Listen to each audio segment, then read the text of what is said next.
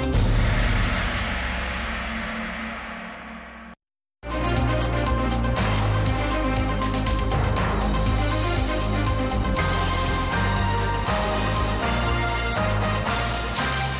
ویو 360 میں طالبان حکومت کو تسلیم کیے بغیر عالمی برادری کیوں افغان حکمرانوں سے رابطے رکھنا چاہتی ہے اور انٹرنیشنل کرائسس کو اب طالبان سے تعاون کرنے پر کیوں زور دے رہا ہے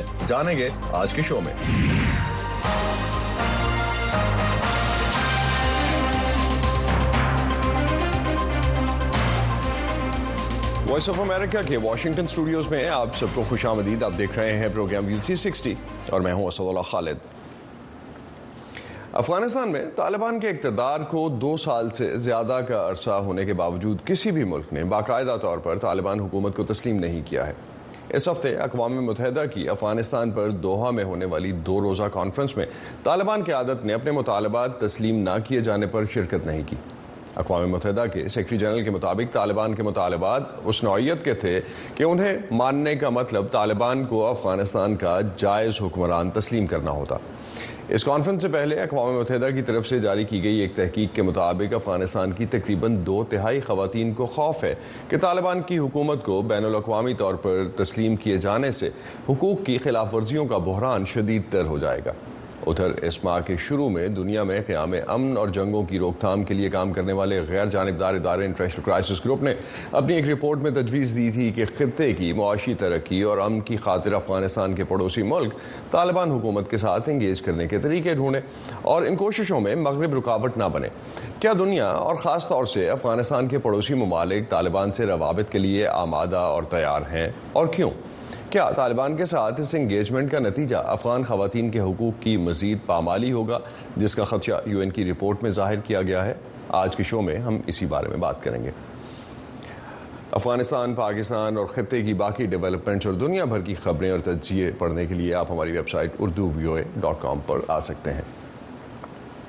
اگرچہ دنیا کے کسی بھی ملک نے باضابطہ طور پر طالبان کی حکومت کو تسلیم نہیں کیا چین سمیت کچھ ممالک کے سفارت خانے اب بھی کابل میں موجود ہیں جبکہ چھ ممالک نے طالبان کے تجویز کردہ افراد کی اپنے ملک کے افغان سفارت خانوں میں تعیناتی بھی کی ہے افغانستان پر طالبان کے قبضے کے بعد بیس سے زیادہ ممالک نے کابل میں اپنے سفارت خانے فعال رکھے یا سفارتی مشن دوبارہ کھولے اور اپنے سابق سفیروں کو یا تو برقرار رکھا یا سفارت خانے کے سربراہ کو چارج ڈی افیئرس کی حیثیت سے مقرر کر دیا جس کے لیے میزبان حکومت کو سفارتی اسناد پیش کرنے کی ضرورت نہیں ہوتی اگست میں طالبان کے قبضے کے بعد ستمبر دو ہزار بائیس میں چین کابل میں اپنا سفیر مقرر کرنے والا پہلا ملک تھا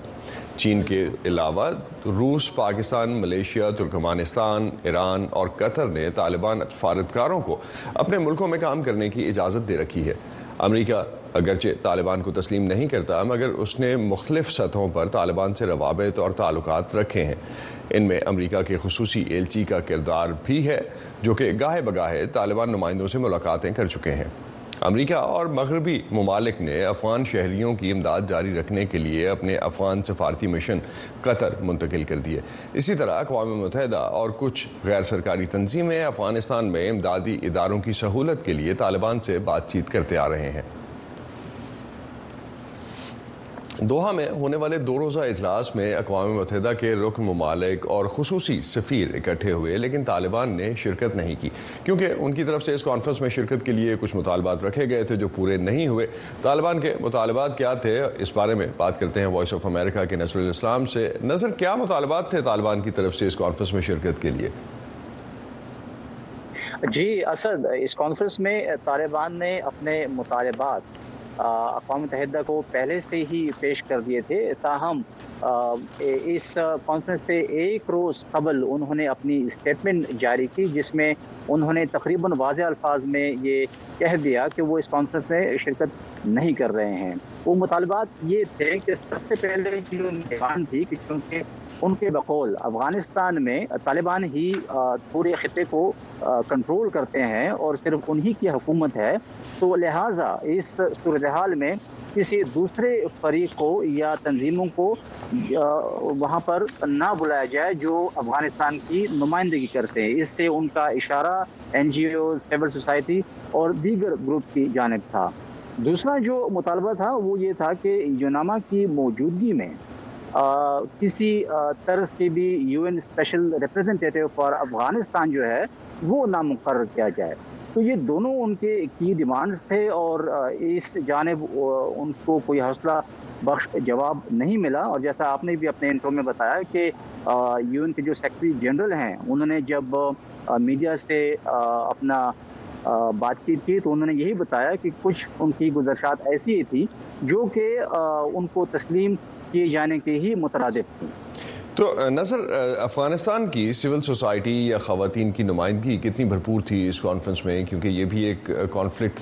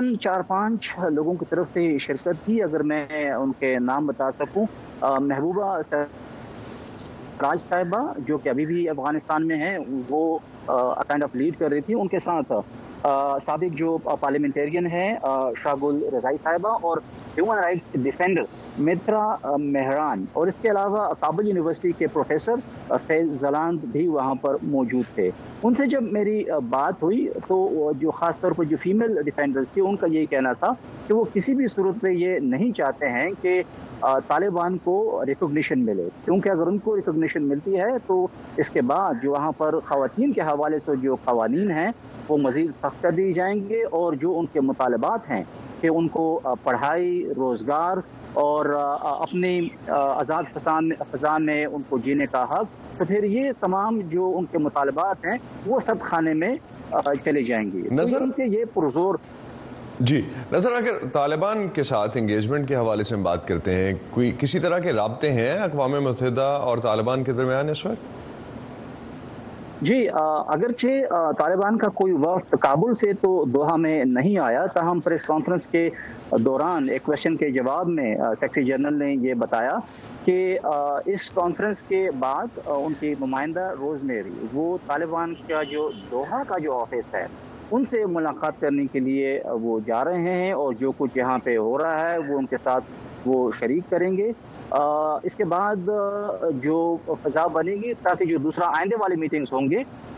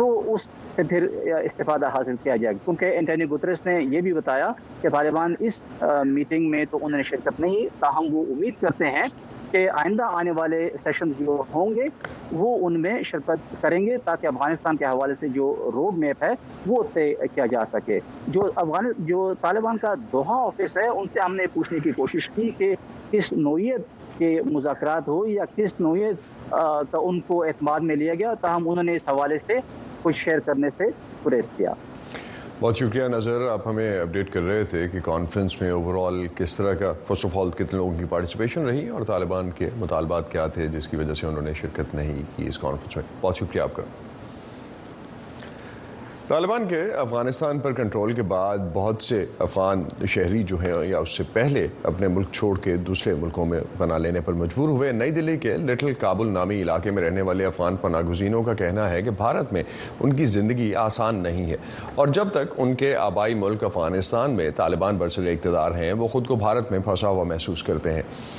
ان افغان باشندوں کا یہ بھی کہنا ہے کہ بین الاقوامی سطح پر طالبان کو کسی حد تک قبول کرنے کا رجحان اور آہستہ آہستہ بنیاد پرست حکومت کے ساتھ سمجھوتا کرنے کی جانب جھکاؤ ان کے لیے مشکلات پیدا کر رہا ہے اس بارے میں دیکھتے ہیں نئی دہلی سے وائس آف امریکہ کی رپورٹ نئی دہلی کے محلے لٹر کابل میں رہائش پذیر پناہ کے طالب افغان طالبان کے خطے کے پڑوسی ممالک کے ساتھ بدلتے ہوئے تعلقات کے اثرات کو محسوس کر رہے ہیں دو ہزار تیئیس کے دہلی میں افغانستان کا سفارت خانہ سابق جمہوری حکومت کے عملے کے ذریعے چلایا جاتا تھا لیکن وہاں کام کرنے والے تمام سفارتکاروں کے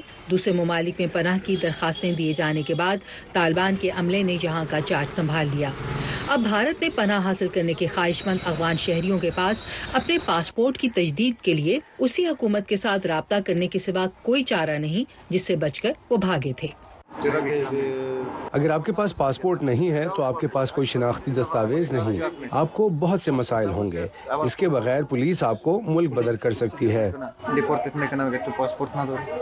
ان کا کہنا تھا کہ جب سے طالبان نے سفارت خانے پر قبضہ کیا ہے وہ کونسل خانے کی خدمات کے لیے بھی زیادہ رقم وصول کر رہے ہیں بھارت واحد ملک نہیں ہے جہاں بین الاقوامی برادری کی جانب سے ان کی حکومت کو باضابطہ طور پر تسلیم کرنے سے انکار کے باوجود طالبان کے سفارتکار اپنے قدم جما رہے ہیں جنوری کے اواخر میں چین نے بیجنگ میں طالبان کے ایلچی کی اسناد وصول کی جس سے وہ اس گروپ کو خاموشی سے تسلیم کرنے والا پہلا بڑا ملک بن چکا ہے جنوری کے اواخر میں بھی علاقائی تعاون پر کابل میں طالبان کے زیر اہتمام ایک اجلاس میں روس چین ایران پاکستان اور ترکی سمیت دیگر ممالک کے سفارتکاروں نے شرکت کی تھی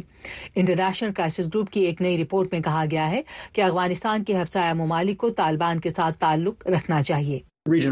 علاقائی ممالک کے پاس روابط نہ رکھنے کی کوئی آپشن نہیں ہے افغانستان میں جو کچھ بھی ہوتا ہے اس کا تجارت اور سلامتی دونوں پر گہرا اثر ہوتا ہے یہ انتہائی ضروری ہے کہ چاہے جتنا بھی مشکل ہو خطہ طالبان کے ساتھ تعاون کرے خطے سے باہر خواتین کے حقوق اور انسانی حقوق سے متعلق طالبان کے خوفناک ریکارڈ کی وجہ سے مغربی ممالک نے طالبان پر پابندیاں نافذ کر رکھی ہیں اور افغانستان اب بھی بین الاقوامی بینکنگ سسٹم سے باہر ہے تجزیہ کاروں کے مطابق خطے کے بھارت جیسے جمہوری ممالک کے لیے جس نے دو ہزار اکیس میں طالبان کے اقتدار میں واپس آنے سے پہلے کابل کی اس وقت غیر استعمال شدہ پارلیمنٹ کی عمارت کے لیے فنڈز فراہم کیے تھے طالبان کے ساتھ تعلقات بنانا ناخوشگوار ہے لیکن اس میں کئی فائدے بھی ہیں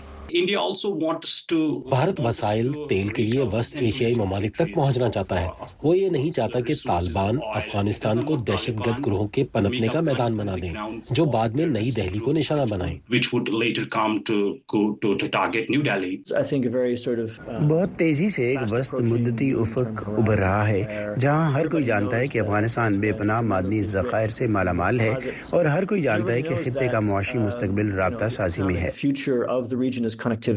نئی دہلی میں زندگی مشکل ہونے کے باوجود لٹل کابل کے کچھ رہائشیوں کے لیے افغانستان کے ساتھ دوبارہ تعلق قائم کرنے کا خیال ناقابل تصور ہے احمد پرویز افغانستان سے فرار ہونے سے قبل سپورٹس کوچ کے طور پر کام کرتے تھے ہم سب کو مسائل ہیں کیونکہ ہمارے پاس نوکریاں نہیں ہیں ہمارے پاس کھانے گھر کرائے کے لیے پیسے نہیں ہیں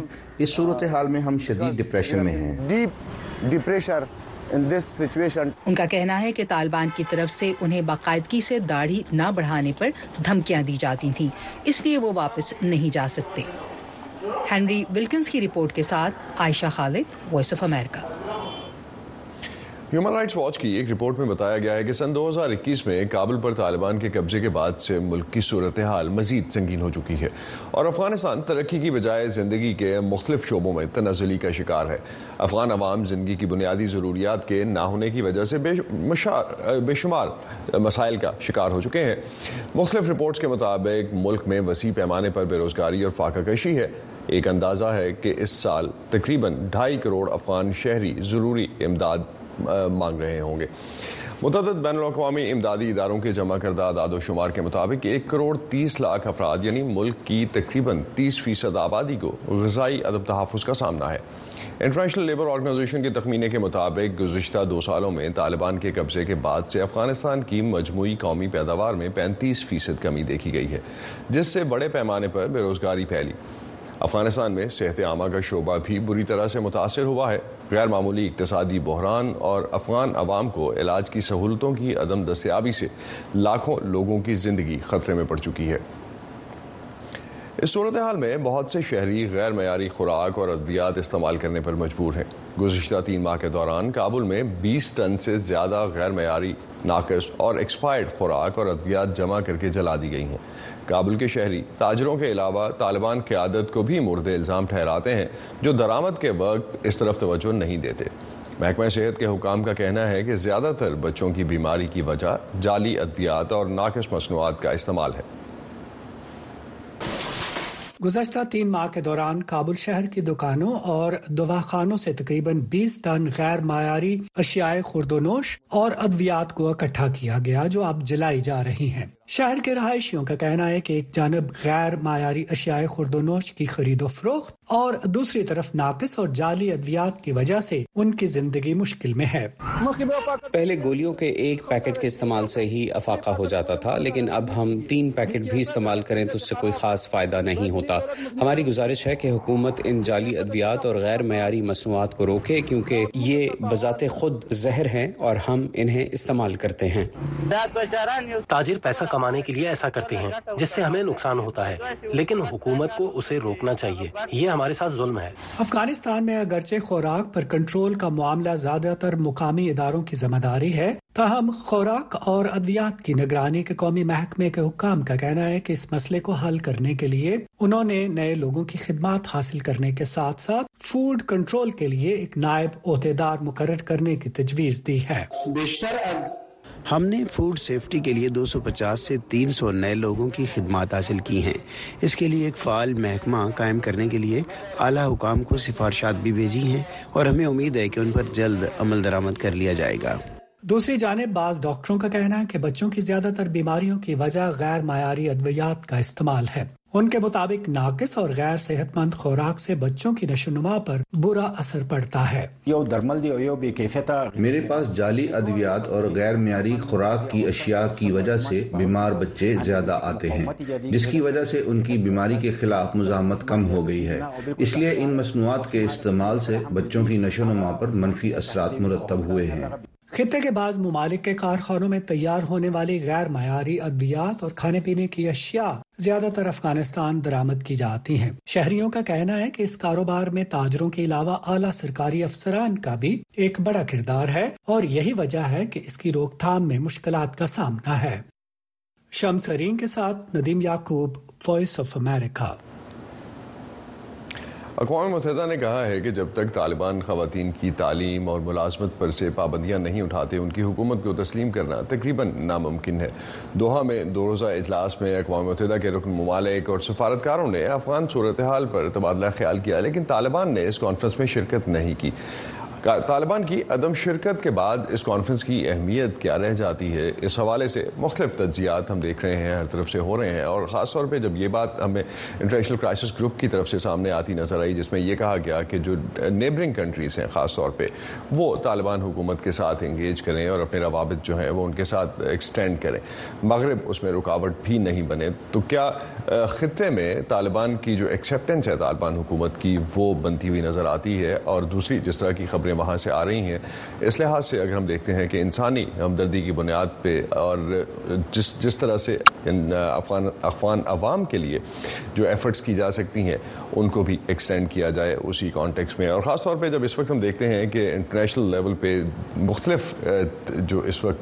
مسائل ہیں وہ چل رہے ہیں یوکرین وار ہے روس یوکرین وار ہے اور اس کے ساتھ ساتھ مشرق وسطی میں اسرائیل غزہ کا جو تنازع ہے اسرائیل غزہ جنگ جو ہے اس کی وجہ سے عالمی برادری جو ہے وہ مختلف اور محاذوں پہ ان ادر ورڈز اگر ہم کہیں تو انگیج ہے تو طالبان جو ہے اس وقت شاید اس طرح سے لائم لائٹ میں نہیں ہے تو اس وقت اس لیے بھی ایک بڑی ڈیولپمنٹ اس کانٹیکس میں یہ ہے کہ کہا یہ جا رہا ہے انٹرنیشنل کرائسس گروپ کی طرف سے خاص طور پہ کہا گیا کہ جو ریجنل ممالک ہیں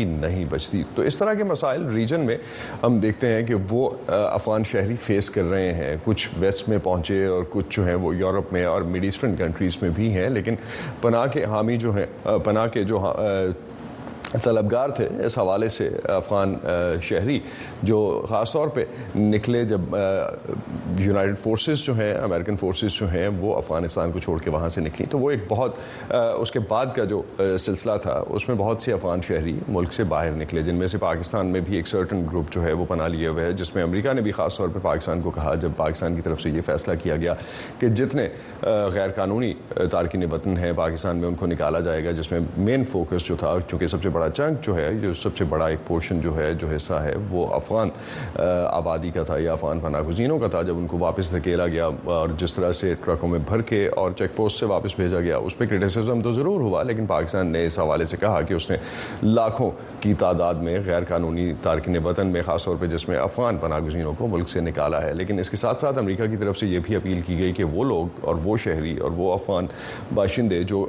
یونائٹڈ فورسز کو الائڈ فورسز کو یا امریکی فورسز کو کسی طرح سے مدد دے رہے تھے جب یہ پورا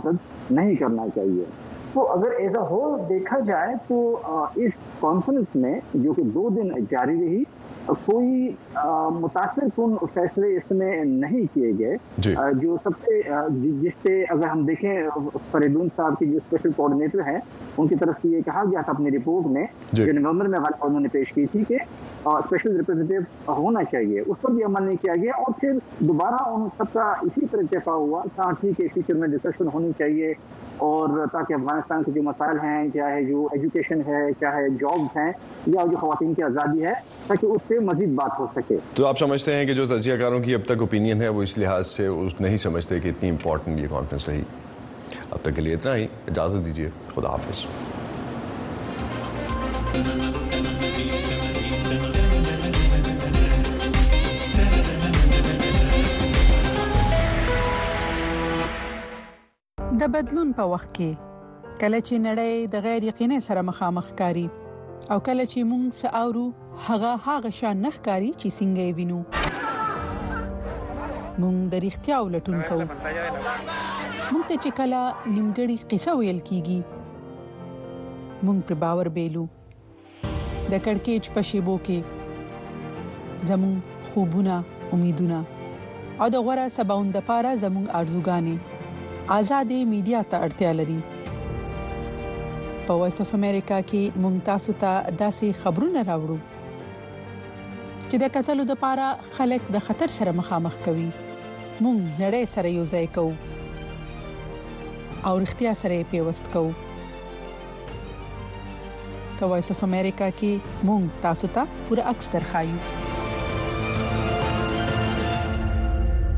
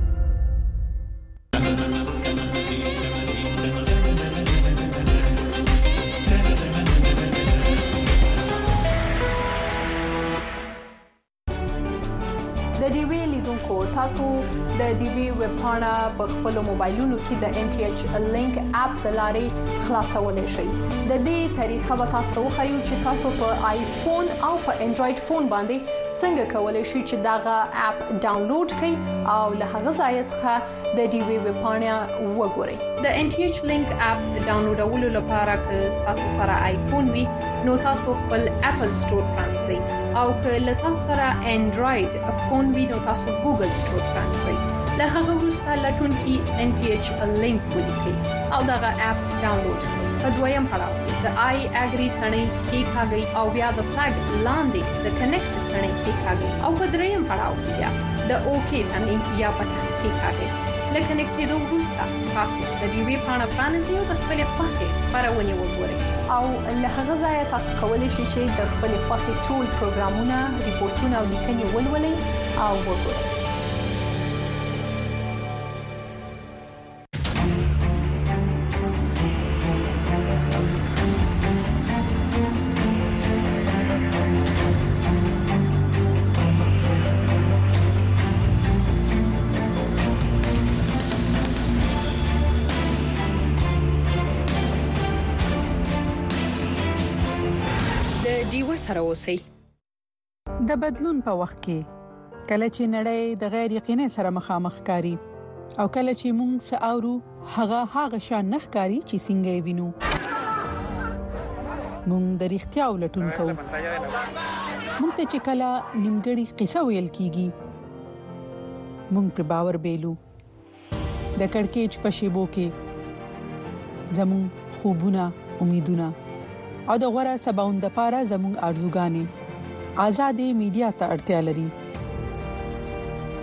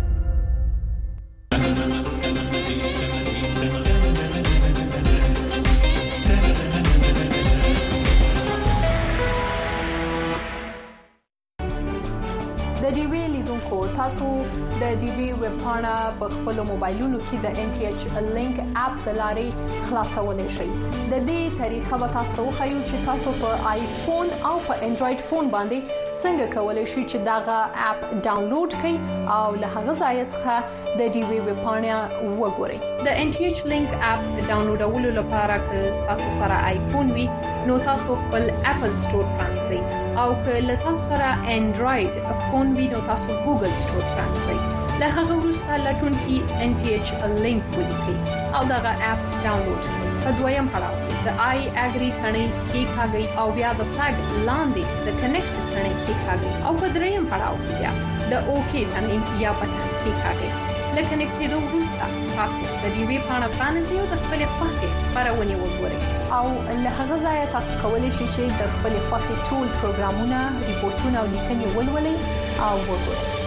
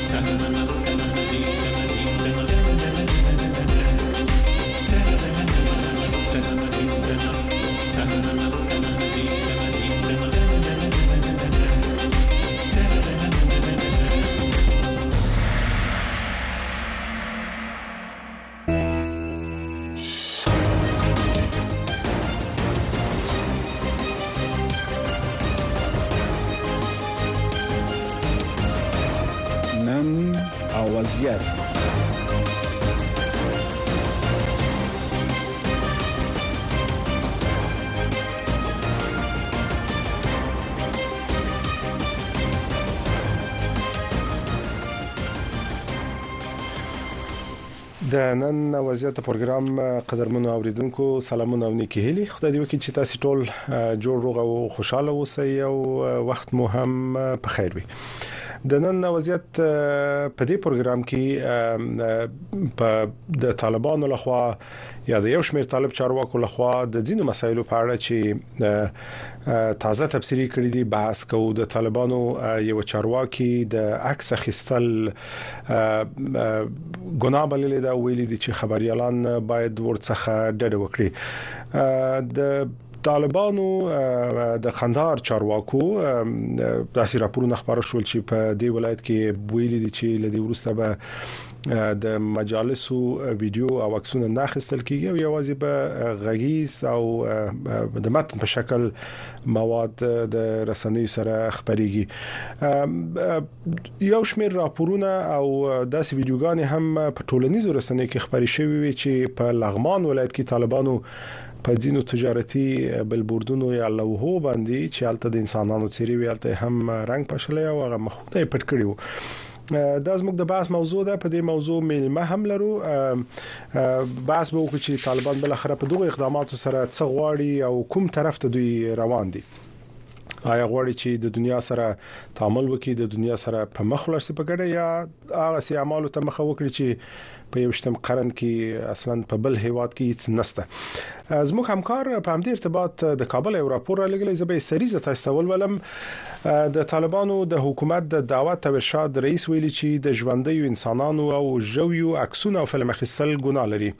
ښاغلي شهید ورور د رسنیو د کارکونکو څخه وغوښتل چې د عکس او فلم اخیستلو څخه دی لاس واخلي د طالبانو د حکومت دغه چارواکي د څرګندونو مخکې د کندهار ولایتي چارواکو د دې ولایت په سیمایزو ادارو کې د عکس او فلم پر اخیستلو باندې بندیز لګولی په دې اړه زموږ همکار اکرام شینواری د کابل څخه دغه راپور لګلې راپور به وورو بیا به د ملمسره بحث وکړو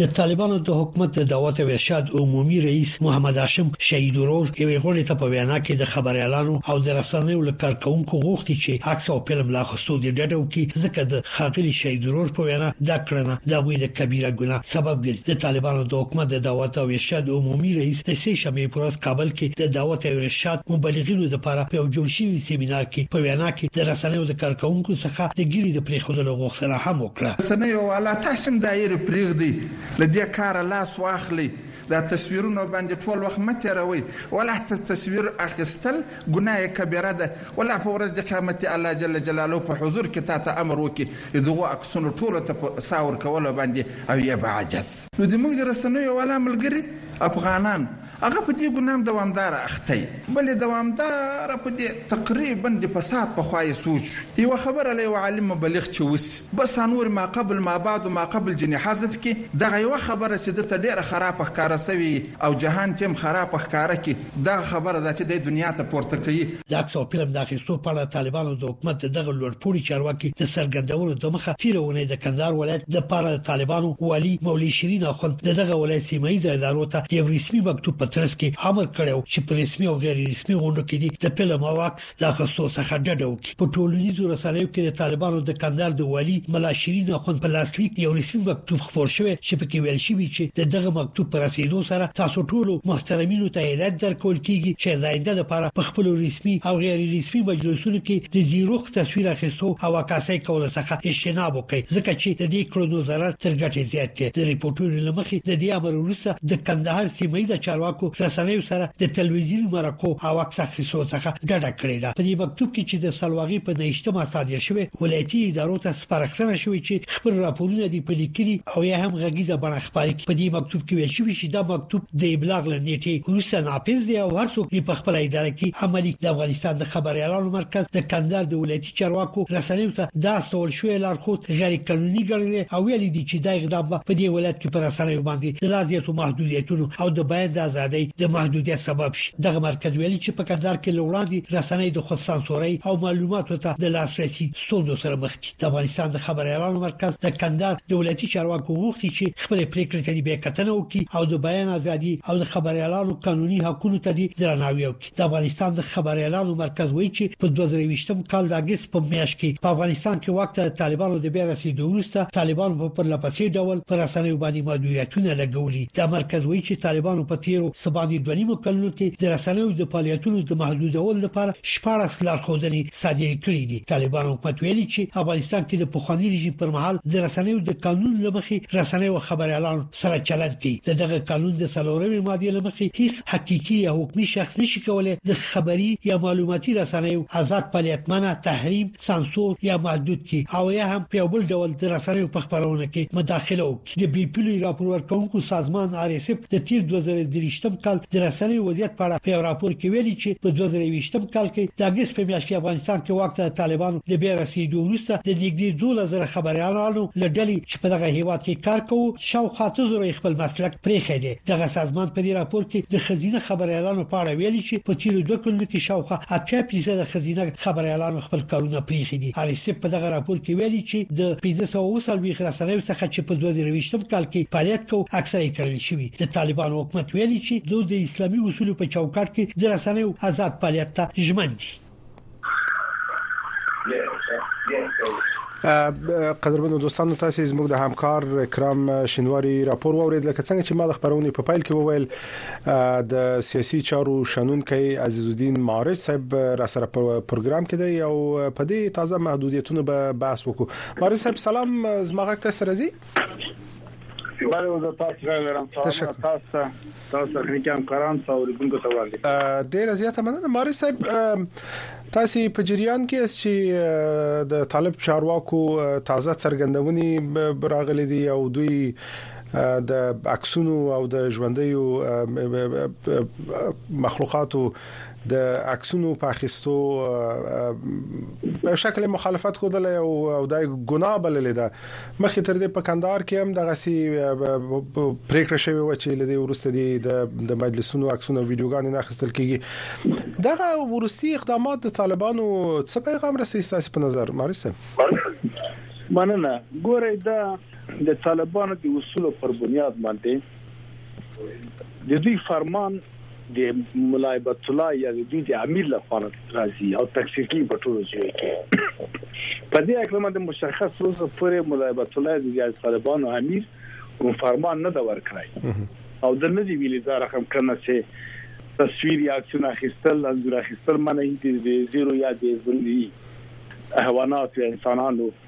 یې کوم بل ډول باندې باندې کوم خبره نه راکړې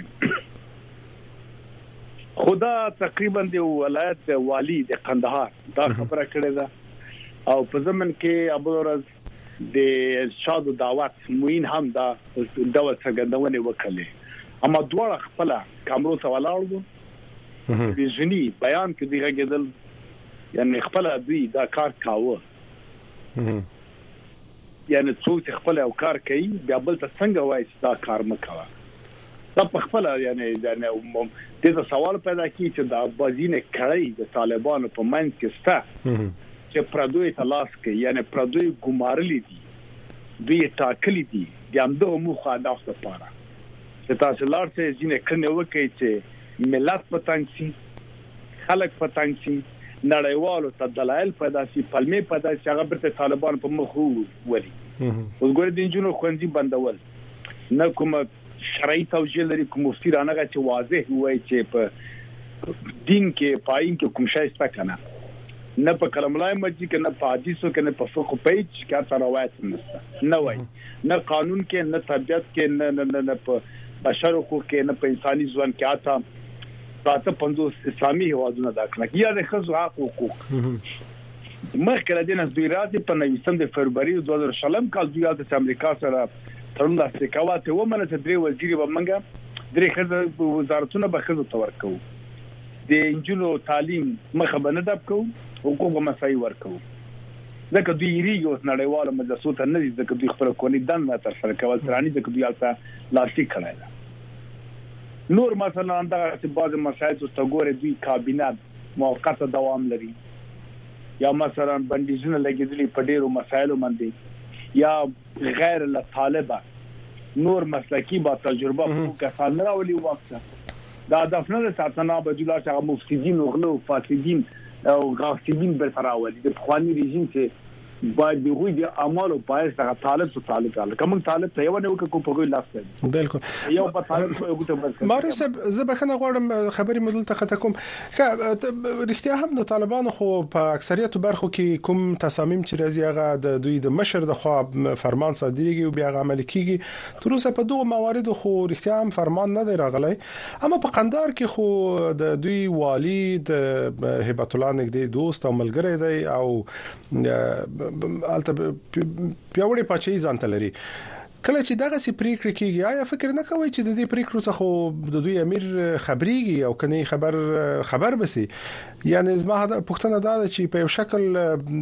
همغږي موجوده ده چې د سي پریکړه کیږي تقریبا تقریبا یو څه شپږو کسو ده سه نږدې حلقه ده هغه افراطیان دي دا واقعیت ده یا کې اوس د قندار والیم ډیر رول لري ځکه ګوره پاکستان ته یا نور غونډو ته د وزیر خارجه په ځای باندې دای غوښتل کیږي خپل خلاف د اصول نور د ډیپلوماټیک نور د نړیوالو حقوقو ده مارندای بیا ورزی از خبرو سره کې بیرته راځي یا مثلا وزیر تحصیلات علی د لوړ زده کړو هغه هم ډېر په دې مسایلو کې بعضې خبرې په ډاډه زړه باندې کوي. د ارشاد او اوقاف وزیر مثلاً دا خبرې ډېرې کوي. د امربالمعروف د سترې محکمې دا یو څو کسان دي چې همدوی هڅه چې وغواړي کوي یې، خو بیا هم د اصول له مخې نه ملا هبت الله همېشه فرمان ورکوي او دوی وايي چې د امیر امر واجب ده، ځکه وايي که نه اطیعوا الله اطیعوا رسوله اولو الامر منکم. نو دغه امر منل یا رسمي بڼه تر اوسه نه لري. په دې اړه ما خبره وکړه چې ویاند د طالبانو رسمي مرجع، رسمي مطبوعاتو دې د امارت تر اوسه پورې دا خبره پخلی نه ده. امارت کړې هم نه ده مارې صاحب. بله صاحب. وامرت سوې هم نه ده چې مخالفت یې وسي یا رد سي دا موضوع دغسې په ځای پرته ده نو خو خبره سوې ده او اجرا کیږي دا حکمونه. خو تر اوسه دوی نه پوښتنه نه ده شوې.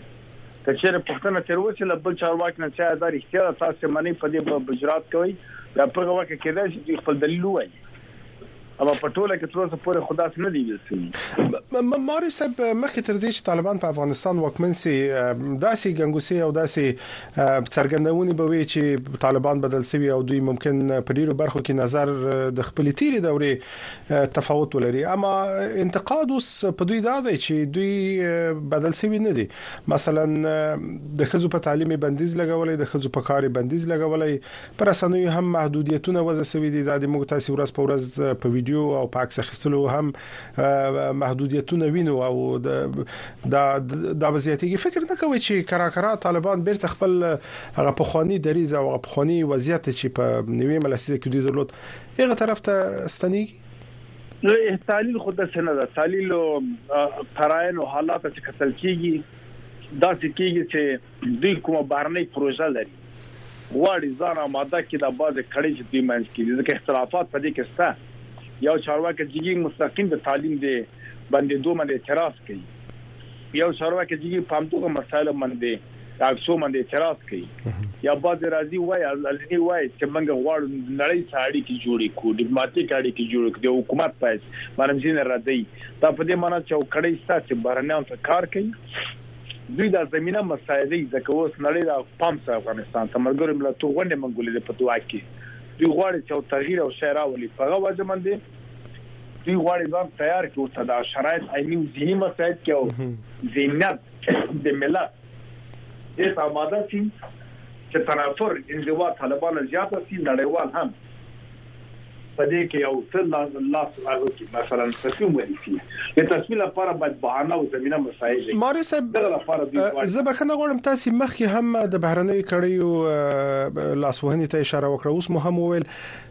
څوک دا بهرنۍ کړۍ څوک دي چې غواړي د دغه مسایلو څخه استفاده وکړي او آیا په طالبانو کې ولې د دې کار مخه نه نیول کیږي چې بهرنۍ کړۍ فکر نه کوي چې دا مسایل به بل اخر د طالبانو د لپاره لوی مشکل هم رامنځته کړي بالکل مرکي نړیوال زو زبرځواک هوادونه دي مثلا امریکا مثال ورکوي روسیا مثال ورکوي یا نو ناتو هوادونه یا خپل د پاکستان د خو مجري هوادونه دي دوی غواړي چې مثلاً د ملګرو ملتو له طریقې یا له بلې خوا نه یعنې چین نور به هر څوک خپلې ګټې لپاره خپل اقدام کوي، د خپلو ګټو لپاره خپل لاسپوڅي لري، دې کې شک نشته. اما لاسپوڅي داسې عادي کسان نه دي، موږ شلو کالو کې ولیدل چې لاسپوڅي د بهرنیانو زوراور چارواکي وو، هغه چې تر ټولو نه ډېر زور درلوده،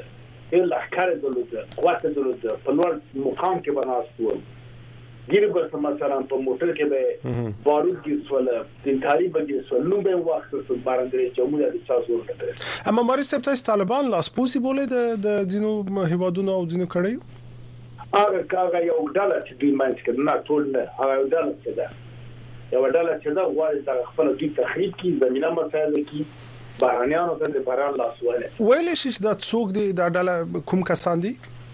دا که افشا وای پیدلای خو خو په دا کې صحیح وای دا صحیح به وای مثلا دا چې کسان چې دا څو فرمان ورکړي چې تخریشي په دې باندې شک پیدا کیږي اوس مثلا په والی د قندار شک ده چې کله چې دا یو لړ چې خبره وکړي آیا شرعي حکم ستا کسانو بیا سعودي او نور انګلیسیا او نور هیوادونه مصر دی ول دا په دې کې تاسو ول تاسو ول کوله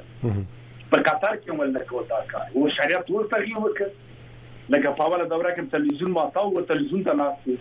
نن موسیقي ماته سبا ته موسیقي ته کې خدا په خپل په اسلام کې د اسلام د بدنامۍ د پر خدای نه خسته د اسلام اوس ماره صاحب پښتنه هم دغه د چې دغه محدودیتونه چې دوی لګوي یا یا لګولې د تر اوسه خو د نړۍ په هیڅ اسلامي هیواد کې موږ دا شی نه وینو او او فکر نه کوم چې د دې سره مخالفت هم موجودي ولې طالبان په داسې حال کې چې دوی د دنیا سره د تعامل او د روابطو خبره هم کوي دغه مسایلو ته دوی اجازه ورکوي که تاسو وایي چې یو کړی په دوی کې دا کارونه کوي نو بیا ولې مخنیوي نه کوي نه خو دوی نسی کولای ما ولې چې هغه زوراور کسان وی لخر پوزه اوس مثلا په خو وختو کې تاسو لیدل دا د جمهوریت وخت یو رزاق په نوم د عبدالرزاق قومندان د امنیه ورتیر تل لري کوه ما څوک نشي لري کوه یو والی مثلا د مزار عطا نوم تی لري کوه ما څوک نشي لري کوه زور دل د ولا وځه یو مليون کسان بیا ما ارګ ما سره کوم ما کې به خبرو کو یا ارګ زارګ ما سره کوم علا ګل مجاهد زارګ ما سره دي کوم دا اصل کردار خلک زور اور خلک نفر په ولا دي نفوس لري نو دي احتیاط کوي اوس او مخملای به تر په چا باندې حکومت کوي پام دی کوي دی بچا کې پام د عسکرو دي سبا سلاړ خو یو بیان څه نه څه سم خراب دي دی په دې باندې پی اما غږ نه کوي هم په دې نتیجه تصویر ته کامره ته ولاړ خلک ته وایي چې کامره نور اجازه نشته دا کوم منطق کوم عقل مني ماري صاحب د دغه محدودیتونو سره خو مخکې هم موږ د طالبانو د ځینو چارواکو مخالفتونه اوریدلي وو دوی توند انتقادات هم کړی دي خصوصا د تعلیم په مسله موږ د څو طالب چارواکو خبرګون لیدلای دی فکر نه کوي چې په دغه مسایلو به د دوی ترمنځ د جنجال ممکن نور هم زیات شي او که که موضوعات حل نه شي په مجموع کې به دوی نور هم د انزوا طرف ته ځي او او په دوی به فشارونه زیاتېږي خامخا دا تل په سلو دا کې خدا کړی چې زه تا کار کوي هم دله پر کار کوي چې د لاسوهنو زمينه مساعد شي چې دوی کې تغیرات راشي د دې دا پروژه چې مثلا هر چا په بهر نه درلوده دی راوستلو د جغرافیه دې تر تسلیمه کړو دا وساته کېدای شي اوس د اوکراین مسله کرا کرا پل کې دوی د خوته کېدای شي د حماس د مشکلات حل شي د زبرځواک وادو پام دی خوته شي تراسي اما که طالبان دا څه فکر کوي چې اوس موږ سره روسیا او چین دا ده غرب سره خپل رابط خرابوي یا مثلا د غرب لپاره یو بلانس سیاست له روسیې سره نه ساتلای دا فکرو ته بیا له باندې چا څوک چې دا سیاستونه چې بلان سیاست ونه ساتي تادي سیاستونه بیا نو دي سوریه ته من کتای سو چې خپل بشر اسد سوریه وران کړله قرباني د شرق او غرب د دې مسایلو سره چې خدای نه غوښته دغه څه او پیښه بیا جوړه چې افغانستان ته ځکه دوی نه سي کاله دی ونه سو کس یو نړیوال سټیج چې دوه نیم کاله دوی هم دغه ګیلې کولې چې موږ ته دعوت او بلنه راکول کې اخر بلنه ورکړه سو دوی هم دا خبره کوله چې منګ باید لاړ شو په نړیوال غونډو کې کینو د خپل موزګری دفاع وکړو نړۍ ته قناعت ورکو خپل وړاندیز ولرو مانه وسونه څوکلای چې لغه دې فرصت نه استفاده وکړي دغه نیوکې وړاندیز او خپل برنامه هڅه تشریح کړي نړیوال ته قناعت ورکړي ځکه دوی خپل کورنۍ دند نه وته سره کړي دوی دا وړتیا نه درلودله نو دوی د شرق او غرب لا کومنس کې خطرناک لوبي دی او دا باز کړي چې د منځ کې کار کوي دا به د استخبارات استخبارات بس کوي کې دا نور اکثریت خ طالبان او خیار طالبان چې دا راګیر کې دوی مخدب کی او د اصول پر بنیاد نړۍ سره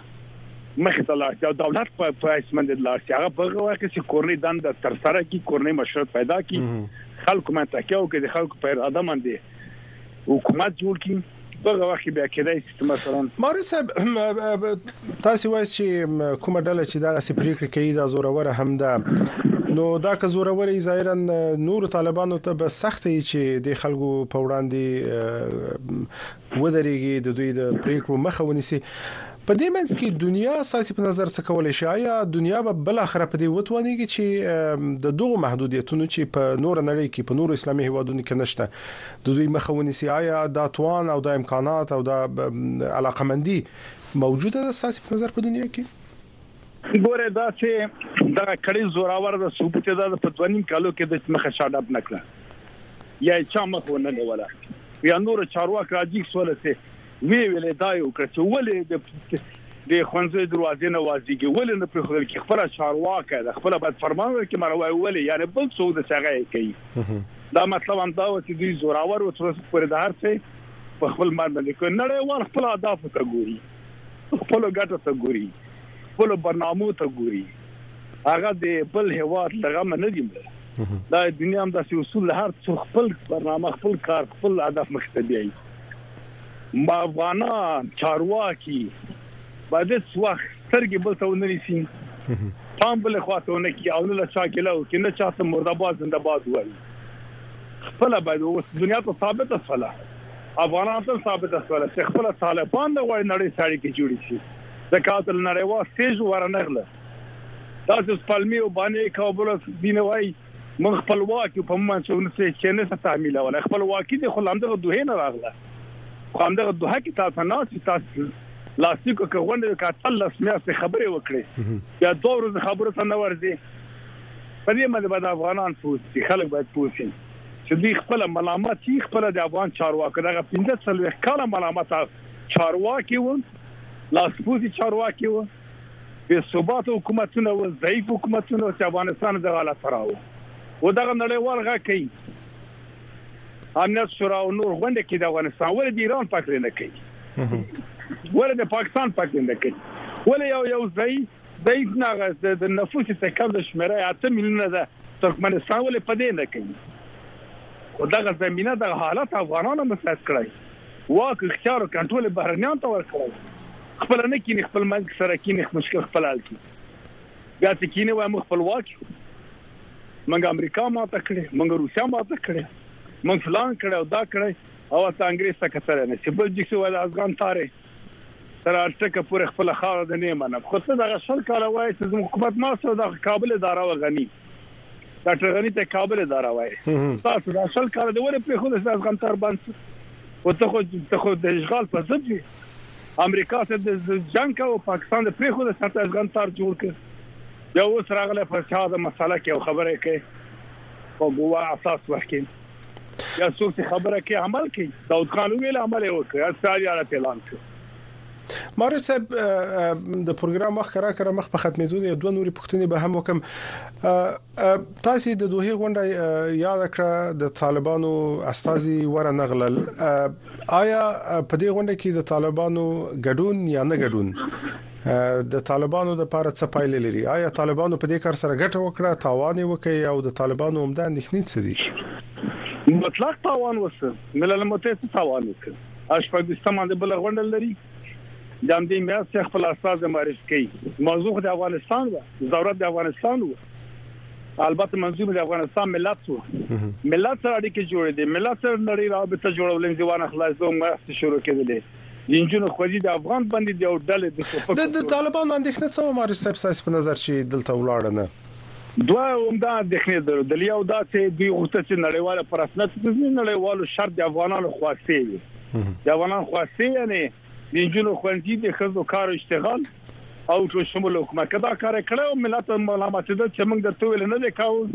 اسلامي نړۍ د تویل نه وکاو علماو د تویل نه وکاو اخر کفر یا پردی بادار ته امر وکړ تا دا کار وکړ دنه یې راو دومه څنګه چې ما مخکې بخنه غواړم یادوري وکړه مخکنی دوه تړون چې هغه هم په په دوه کې لا فکس شو په نوښتم د فبرवरी 2000 کال هغه کې دوی لا فکر کړه دا اته پنځه درسه وادونه موجود و خپل روسیا او چین د ناظر هواد په توګه باندې واده او خوخي سند د قطعنامې د پنځه دیارلس په ملګرو ملتو سازمان کې ثبت راځي ترڅ هغه تعودونه خو دې مجبور ته پلي کی چې د خزو کار اشتغال تعلیم ټول شموله موقته اداره دا مسایل او د سلاس دی مجبوري موقته اداره جوړه کړي او د لوا کلري دوی به د دریم د دماکت ادارې غړي ماري صاحب خطر ماري صاحب وخت کم دی لطفا لاند جواب راکړئ خو اوس خو ظاهرا دنیا د متحده ایالاتونو په شمول نړۍ د طالبانو څخه دریوم د غوښتنې لري چې بشري حقوقو ته درناوی دی هم شمول حکومت او د ترګری سره مبارزه ده دا ټکی دي چې امریکا تل تکراري نوره نړۍ هم تقریبا دغه غوښتنې لري اما بل طرف ته موږ وینو چې په طالبانو کې په دې درې په یوې برخه کې خود ترګړې په وړاندې مبارزه کې ځین لاسراوړنې ستا او امریکا رضایت خودلې اما د بشري حقوقو په مسله کې او د ټول شمول حکومت مسله کې نرمښت نه دی خودل سوی بل اخر وضعیت به چیرې ولاړ سي آیا دنیا به په دې وتوانیږي چې په طالبانو دا دوه نور موارد هم ومني او یا به طالبان په همداس چې اوس دي او محدودیتونه به زیاتې ګویا طالبان ته بودیجه د اوس امریکا ورکړي دا مجبور دي چې نړۍ سره تعامل وکړي مجبور دي خبرې ومني کوي نه چې شاولت را زیاتې اته دې احتمال څه په درنه افغانستان کې کودتا پیو چې او ډول نور راپورته چې ټول طالبان خو خو نه دي دی خو ګوري او بلته یو ډول راپورته کیږي چې خصوصا ځوانانه غواړي چې د دا څه کې ناس د وطن د لپاره کار وسی او تر اخره دوام نه کوي چې سره ته پټ ده معلوم نه ده حکومت کوم غیر معیاري غیر ستاندارد نړۍ سره اړیکه نه ساتم ځکه چې ما په تاوان ده ته ملت پر راځي کیږي کرا کرا دې راځي کېدو وخت نه تاسو وایس کې دوی په ځان کې اصلاحات رانه ولې بل اخره به فشارونه زیاتېږي ماري صاحب تل په سلو منګ ولې د کوایت ملګرم د تو تشکر ماري صاحب یو کال کې پیو کړل تشکر ماري صاحب کور مودان ډیر زیاته مننه د پروګرام وخت کم دی له تاسو ډیر زیاته مننه کوم چې په دې ګرام کې مو برخه واخیسته د نن اوازې د پروګرام قدرمن اوریدونکو زموږ پروګرام پای ته رسیدي ساسي غږ یا ساده شما پروګرام دی سحر عظیمی او شافیه جانبه پراتونکو پروګرام کې ستاسو سره وي تر بیا مخلو یو بخون کې خدای سپارم